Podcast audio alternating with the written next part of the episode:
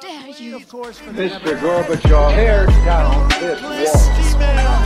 I did not have sexual relations with that woman. Read my lips. Hell yes, we're gonna take your AR-15. It's your waiting AK. out. I have a dream. Ja, landbrukstimen eh, del to er tilbake. Vi, eh, vi måtte jo diskutere dette jordbruksoppgjøret eh, da staten la fram eh, sitt eh, tilbud eh, tidligere i vår. Eh, Det har jo blitt eh, diskutert og forhandla, og eh, organisasjonene var jo umiddelbart relativt positive til eh, tilbudet som var historisk godt, eh, og det har vel også blitt eh, enda litt bedre. Vi skal gå gjennom tilbudet. Det var jo, bare si det først òg, det var jo Vi fikk en del eh, Det ble en del reaksjoner eh, på eh, i, i, i ulike fora etter vår forrige episode. Det så ut som, så ut som eh, Før vi snakker om jordbruksoppgjøret, Harald, det så ut som din, eh, din noe pessimistiske eh, tilnærming til jordbruket eh, og eh, eh, argumenter, eh, kan, om vi kan si det på den måten, om for eh, hvilken retning da jordbruket bør ta. At det, det var en aldri så liten eh, brannfakkel. Eh, Hvordan føler brannstifteren det nå? Nei, jeg har det varmt og godt. Det, det brenner fortsatt. Ja, men altså Nei, altså det, det, det er jo det, som er interessant med, med landbrukspolitikken, er jo at det, det er jo et av de politikkområdene i Norge, norsk politikk, som betyr eh, ganske mye for veldig mange, og hvor det er relativt sterke meninger, og hvor det også er en viss eh, form for polarisering, i motsetning til en del andre politikkområder. og det, det er jo eh, noe av det som gjør, gjør det interessant å diskutere landbrukspolitikken, og det er jo også noe av det som eh, eh, Et av de områdene hvor, hvor det faktisk er eh, reelle politiske forskjeller, i motsetning til en del andre områder hvor forskjellene er en god del mindre. Helt klart. Det, det er jo helt, tenker jeg, helt greit at det er ganske mange ulike meninger om landbrukspolitikken. Og jeg har absolutt ikke eh, fasiten på landbrukspolitikken eh, på noen som helst eh, måte. Nei, men det er jo det er, det, Vi har jo vært innom det her mange ganger, om at eh, politikk handler om hvem som får hva, når og hvor. og eh, Med den erkjennelsen så er det også åpenbart at folk har ulike preferanser for hva de ønsker. Eh, og, det, og det i seg sjøl er jo ikke noe fasit, men det er jo bare hvem er det som egentlig får rett på mange måter da, i denne ressursomfordelingspolitikken. Eh, Ja, for det er jo ofte, det er ofte sånn at man, man tenker at de, de som vinner fram, er de som også på en måte får rett, men det er jo ikke nødvendigvis eh, alltid uh, situasjonen. Men eh, det tydeliggjør i hvert fall eh, det som er interessant, det er jo som, som jeg har sagt eh, Det er ganske store politiske forskjeller, og mange av de uenighetene man finner om landbrukspolitikken, eh, har utgangspunkt i eh, politiske forskjeller mer enn en noe annet. Mm. Ja, og du, du nevner jo også denne, denne kompleksiteten, altså hvor sammensatt dette spørsmålet er. Og det eh, var jo også alltid vår tanke, da. Eh, når vi eh, etter Altså, vi skulle alltid gjøre flere episoder, og vi kommer til å gjøre flere episoder om jordbruksoppgjøret òg, fordi det er jo åpenbart at én episode er for lite. Så eh, for de som eh, var redde for at vi kun dekte noen perspektiver eh, i jordbruksdebatten, så kan jeg ta det rolig, for vi skal, vi skal dekke mer. Og vi jo, får jo også besøk eh, i en episode snart av Tor Jakob eh, Solberg, eh, som var sent, har vært sentral i dette bondeopprøret, eh, for å belyse med de sidene. Så vi er ikke, vi er ikke ferdige ennå eh, med den, så du har nok tid, Harald, til å irritere på deg eh, eh, lyttere. Eh, og det eh, er jo bare bra, syns jeg. Men ehm, Målet er jo uansett å, eh, å analysere det her litt videre.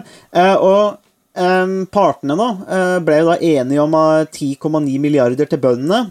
Eh, Der 1,5 tas ut i mer økte priser. Eh, sentralt var dette stridsspørsmålet om inntektsgap. Eh, Bøndene krevde 100 000 kroner for å tette inntektsgapet. Mens det som ble resultatet på tilbudet, er ca. 40 000 kroner per, per årsverk. Så eh, mer spesifikt en inntektsvekst på 28 400 kroner per årsverk i 2022 utover full kostnadskompensasjon, og en inntektsvekst på 64 000 kroner per årsverk i 2023. Ehm, det er jo Vi snakka om det før, eh, eller da tilbudet ble levert, eh, at det var et historisk godt tilbud.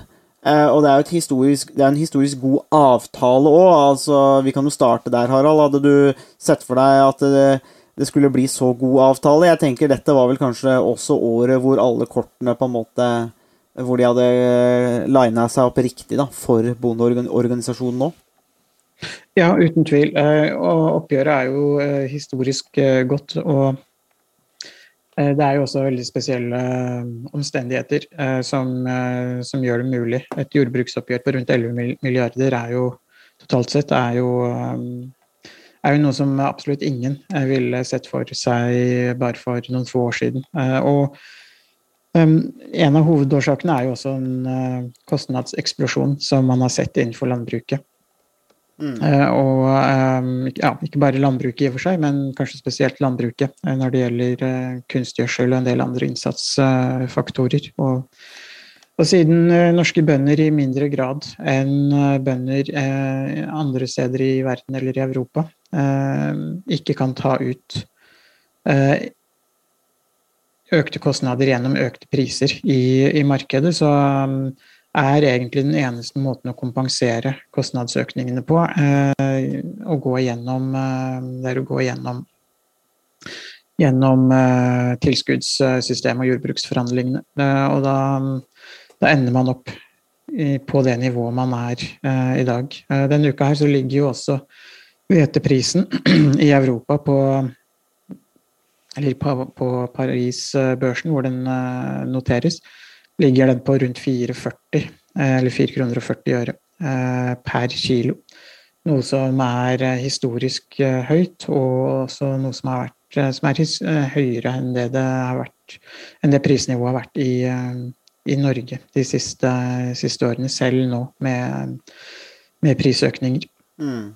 Ja, det er jo um, en, en, en, fin uh, Eller en, en timing her um, som for jordbruksoppgjøret, hvor vi har hatt eh, pandemien som har skapt en del problemer med leveranser og disse næringskjedene der, og vi har nå fått krigen i invasjonen av Ukraina, eh, hvor det også eh, produseres svært mye hvete, f.eks. Og dette bidrar til å drive prisen oppover. Og, og det som kanskje, kanskje, hjelper bøndene her, og da tenker jeg at for man kan jo tenke her på bøndene som en glemt gruppe, og på mange måter så har de jo vært det òg. Og Eh, vi var litt inne på det i første podkasten òg, at eh, de har litt mindre på kjøttvekta. Altså all, all, den tid de blir færre i et demokrati, og du har andre grupper som på en måte teller mer fordi at de er mer verdt for de politiske partiene når det skal omsettes i valg. Um, um, så, så, har de kanskje blitt litt borte. Bøndene er også kanskje noe man har tatt litt for gitt. Uh, mange av de er jo også i distriktene, slik at de, de forsvinner jo på en måte fra bybildet. og, og og det er jo ikke til å komme utenom at eh, riksavisene har jo en forkjærlighet for å dekke det som skjer eh, i, i, sitt eget nærområde, og det blir jo da ofte de store byene.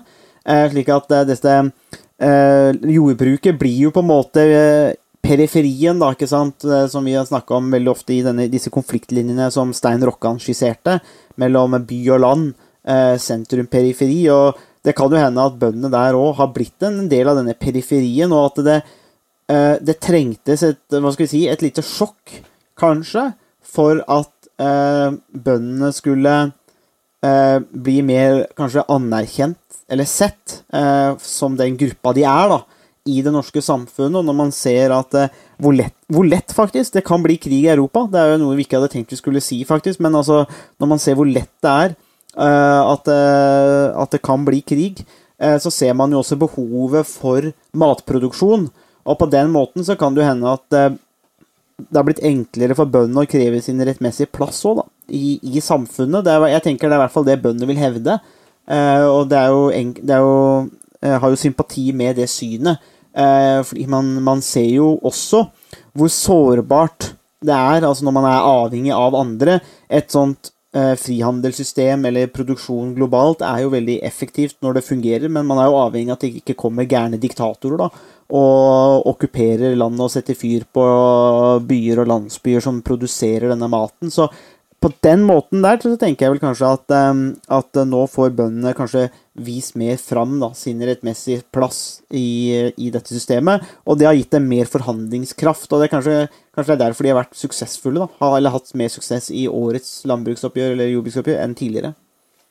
Ja, forhandlingsmakten til um, landbruket har utvilsomt økt mye i forhold til situasjonen før pandemien.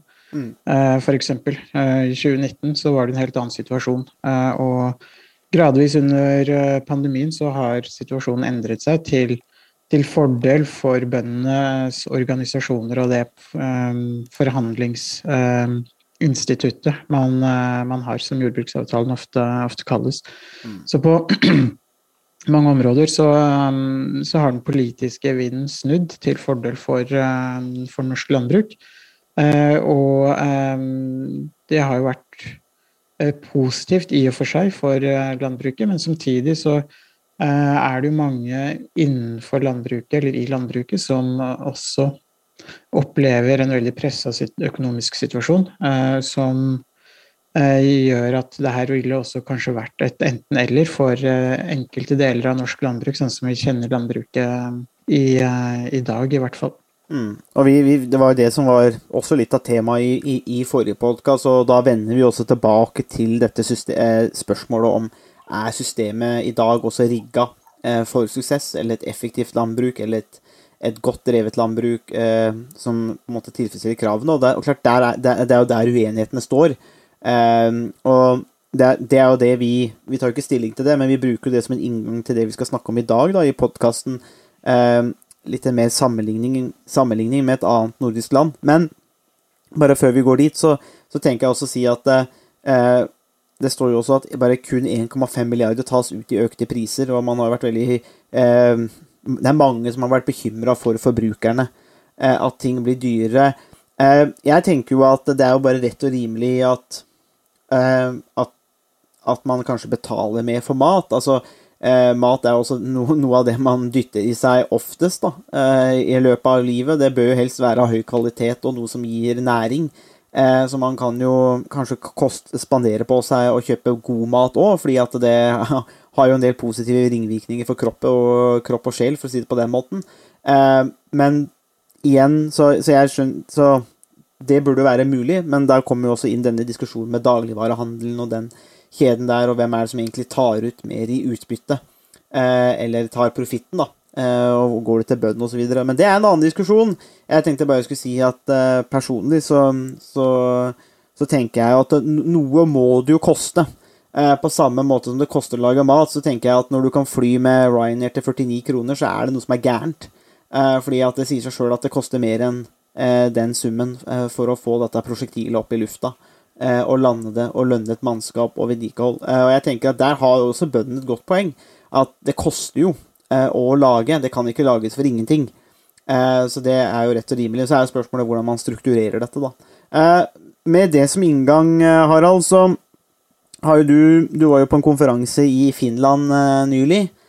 Og har jo fått en slags fascinasjon for finnene. Eh, de, de djupe finske skogene og, og sauna. Um, og, ja, ikke minst saunaen, men kanskje aller mest, uh, mest ja, det. Det er uh, Og det er ja, det er, en, det er digg med en sauna i, i ny og ne. Uh, men du har latt deg inspirere av andre ting. Um, og vi tenkte at det kunne være litt interessant å bare se i et annet nordisk land, som er relativt likt, eh, som Norge, hvordan det står til med jordbruk, eller hvordan dette systemet er rigga der. Eh, og du har jo sett på noen elementer der, så jeg tenkte Kan ikke du trekke fram litt av de eh, Snakke litt om de tingene som du har sett på i sammenligningen Når vi kan på en måte sammenligne Norge og Finland, og se litt på en måte hva som er kanskje forskjeller og ulikheter her, da. Ja. Eh, altså, jeg, var jo i Finland eh, for en, eh, litt over en måned siden. og mm, jeg må si det var faktisk Det var første gangen jeg var i Finland. Og det var faktisk et mye mer fascinerende land enn det jeg hadde trodd på forhånd. Veldig likt Norge og resten av Skandinavia, men samtidig veldig forskjellig. språket er jo selvfølgelig én ting. Som, som, gjør det veldig annerledes enn både Norge og Sverige og Danmark. Men um, har, Finland har jo også en, en, litt, en, litt, annen historie enn både Sverige og, og Danmark som våre naboland, uh, hvor påvirkningen fra, fra Russland um, er mye sterkere enn um, enn det man på en måte kanskje ville, ville tenke sånn umiddelbart. Um, I Helsinki f.eks. så finnes det jo flere sovjetiske, um, russiske restauranter. Uh, blant annet uh, en restaurant som het Sovjet. Mm. som er et interessant, et, et, interessant navn. Men um,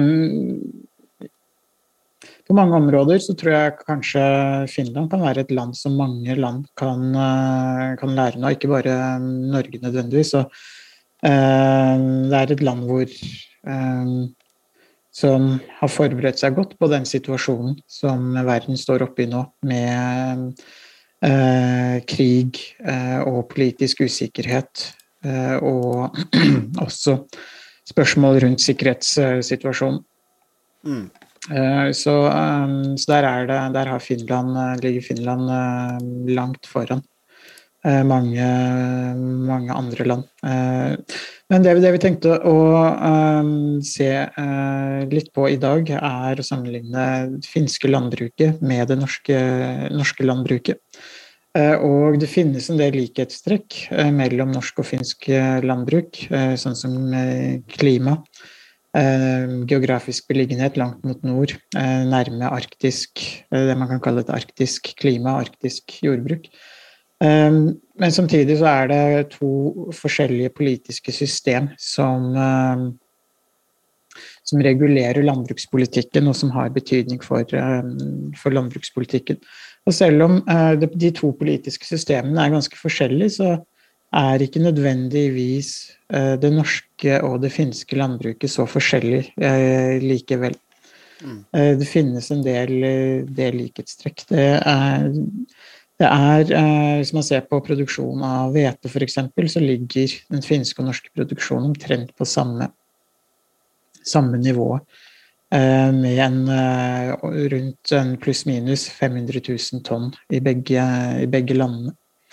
Produksjon av eh, grønnsaker som, eh, som gulrøtter, tomater eh, og agurker er også sammenlignbar. Finnene produserer en del mer veksthusagurker, omtrent dobbelt så mye som Norge. Men for mange produksjoner så ligger det omtrent på det samme, samme nivået. Finnene produserer en god del mer bygg og havre enn Norge omtrent to-tre ganger så mye.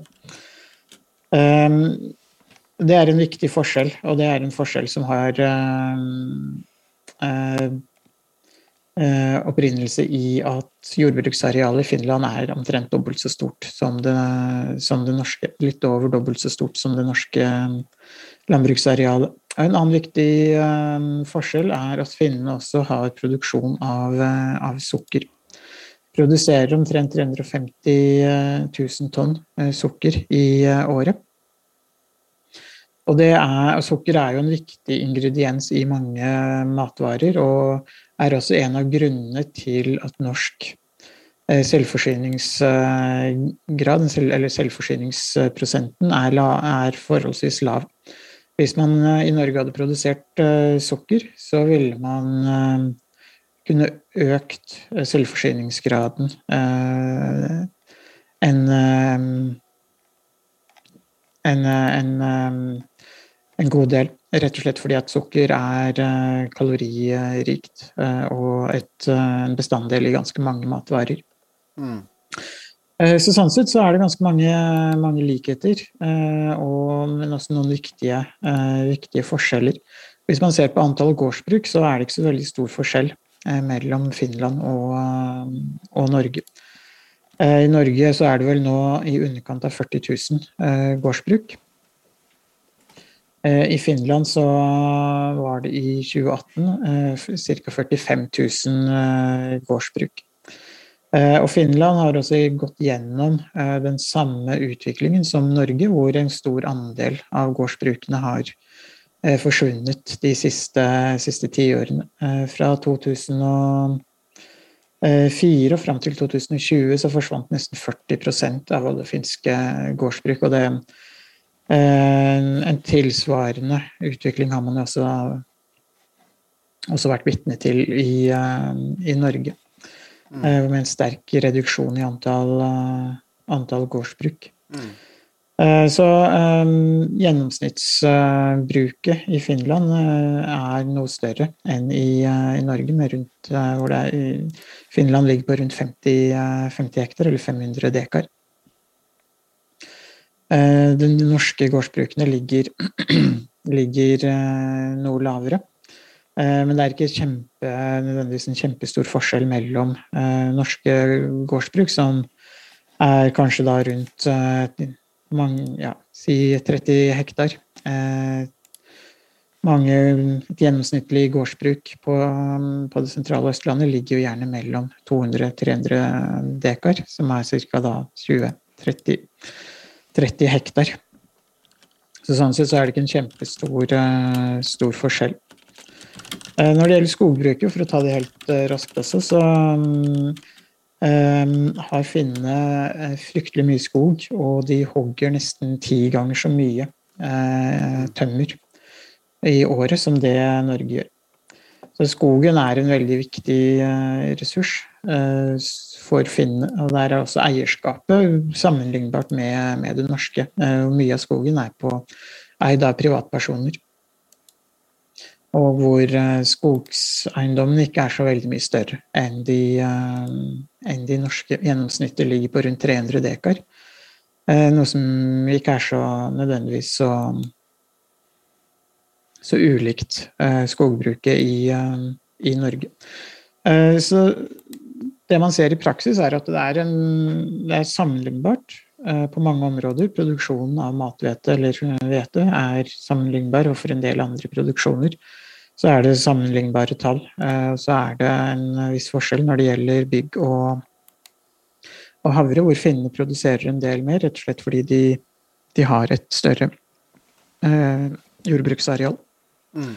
Klimaet er jo også ganske likt, eh, kanskje litt kaldere eh, enkelte steder. Eh, klimaet rundt eh, Oslofjorden er her i Norge og på Jæren, eh, som er to viktige produksjonsområder, er nok eh, litt varmere og litt eh, mildere enn i de fleste stedene i, Finland. Men man driver landbruk relativt langt mot nord i både Finland og Norge, og under relativt sånn sammenlignbare klimatiske mm. forhold. Og det, noe av det som også er interessant, er at selv om, e, eh, selv om, Finland har vært EU-medlem nå i omtrent 25 år, eller litt over, eh, så, eh, så er ikke forskjellene mellom det norske landbruket og det finske landbruket på en del parametere så forskjellig. Nedgangen i bruk har vært stor både i Finland og i, og i Norge. Produksjonsomfanget er sammenlignbart for mange produksjoner. Og størrelsen eh, per bruk er eh, noe eh, forskjellig, men ikke veldig Det er ikke snakk om veldig store, store, forskjeller. Man kan selvfølgelig diskutere hva som er en stor og en liten forskjell, men det er ikke snakk om at det finske landbruket er nødvendigvis er helt vesensforskjellig fra det, fra det norske.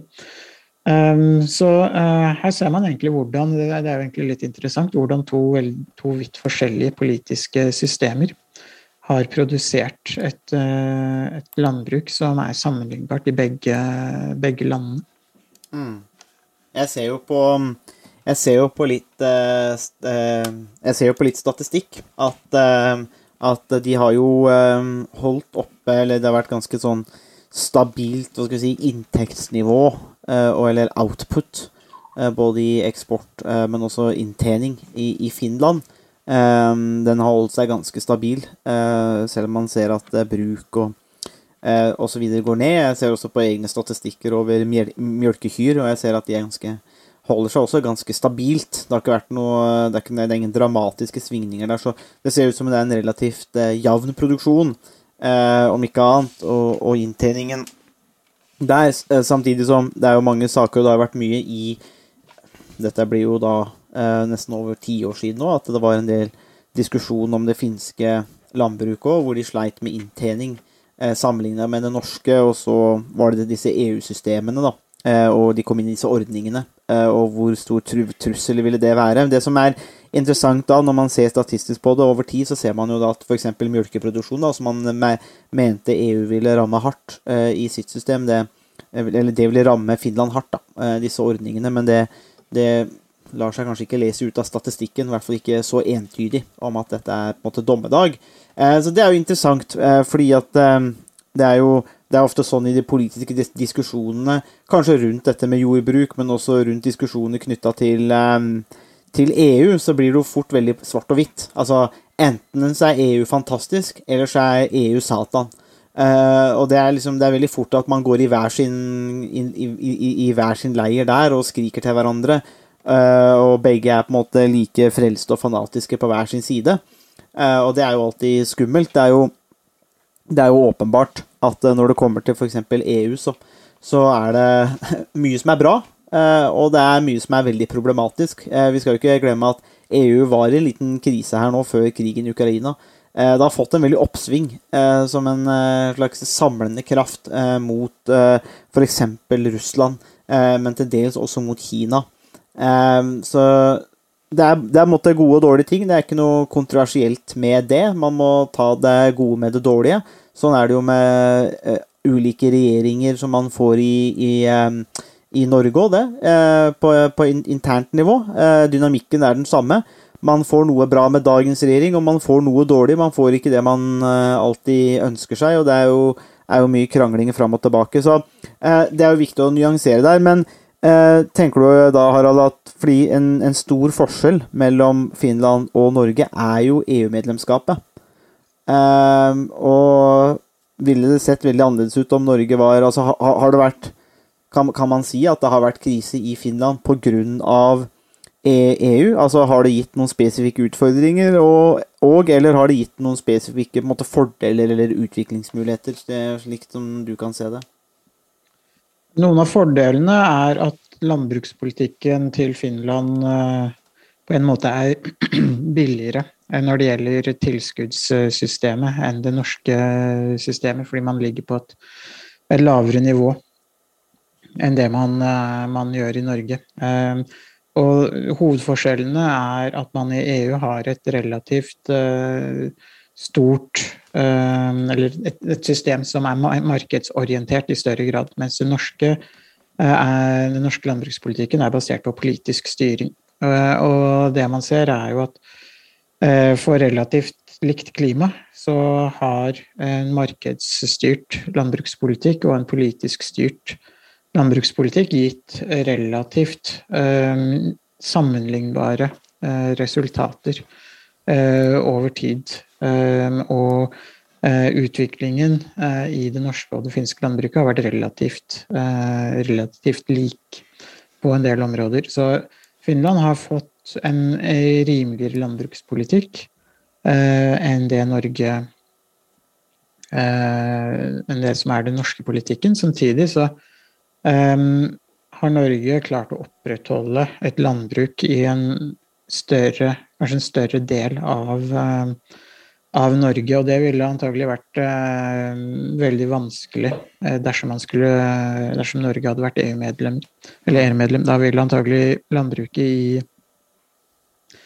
i Finnmark, eh, Troms og, Nordland vært, eh, hatt mye mindre, et mye mindre omfang enn det det har eh, i dag. Og man ville, det man har sett,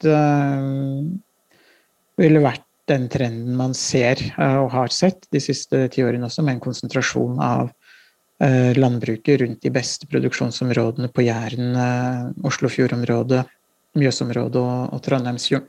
Så den utviklingen ville vært sterkere med et uh, norsk EU-medlemskap. Og det er også noe av den utviklingen som i Finland da har gitt noe høyere uh, gjennomsnittsstørrelse på gårdsbruk enn en det vi ser i Norge. Så den, den utviklingen ville nok eh, vært, eh, vært tydeligere. Men eh, det, det er jo samtidig interessant å se at eh, i, det store og hele, eh, fra et, mak et makroperspektiv, så, så har eh, både markedssystemet til EU, som er basert på en felles landbrukspolitikk for hele EU, og et veldig sterkt politisk Eh, system, eller med veldig sterk politisk styring, som det norske systemet, det, det gir ikke så veldig stor Har ikke gitt eh, de noen kjempestore forskjeller på en del områder. Mm. Det, det, er, det, er, jo nettopp dette med Det er jo her det kan, det kan oppleves altså, Særlig for de som driver med det, når man snakker om at eh, finnene har et billigere eh, landbruk, eh, så kan jo det for mange da bety at altså det går utover deres egen, egne gårder, f.eks., eller, eller drifta i Norge. At eh, de driver ikke billig nok. Altså det jo, og det kan jo kanskje eh, fremstå litt provoserende, men det jeg tenker er, eh, er bakgrunnen for det, er nettopp det at Og det var kanskje det vi har diskutert i, i, i de forrige podkastene med det her òg. Problemet med et så sterkt politisk styrt system, altså som det norske er, så vil man jo alltid havne i interessekonflikt med andre grupper i samfunnet, eh, hvor man må fordele ressurser. Eh, og da er, jo, da er jo spørsmålet eh, hvordan skal bøndene klare det?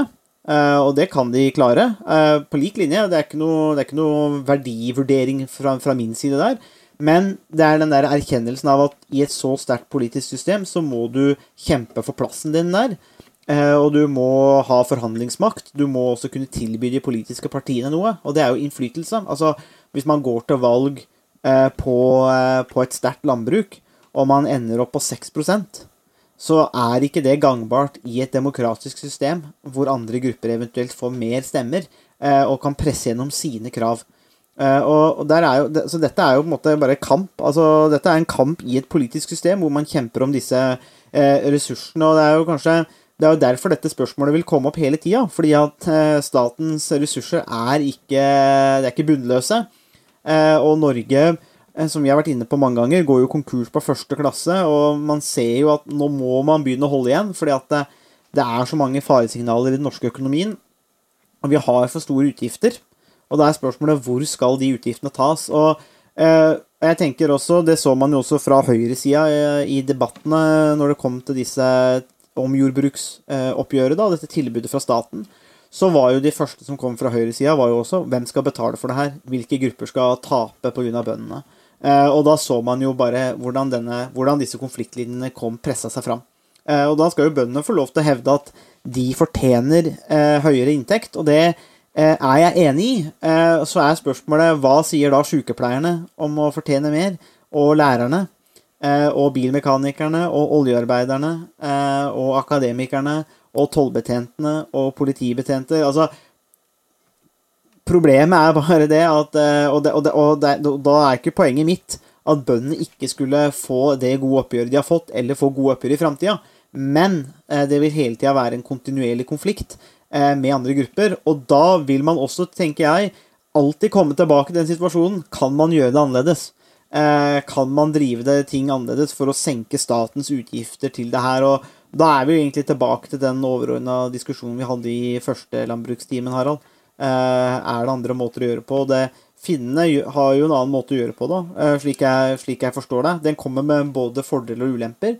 På samme måte som det norske systemet kommer med fordeler og ulemper. Men hva tenker du, som forhenværende bonde, er det Vil du hadde det vært enklere Eller la meg stille spørsmålet på den måten her, da. Hadde det vært enklere, bedre for deg å drive med epler og frukt eh, i et type finsk system eller EU-system enn det er i det norske systemet? Ja, uh, det er et veldig godt spørsmål. og Først vil jeg si at en, en viktig forskjell mellom Finland og Norge er jo kostnadsnivået.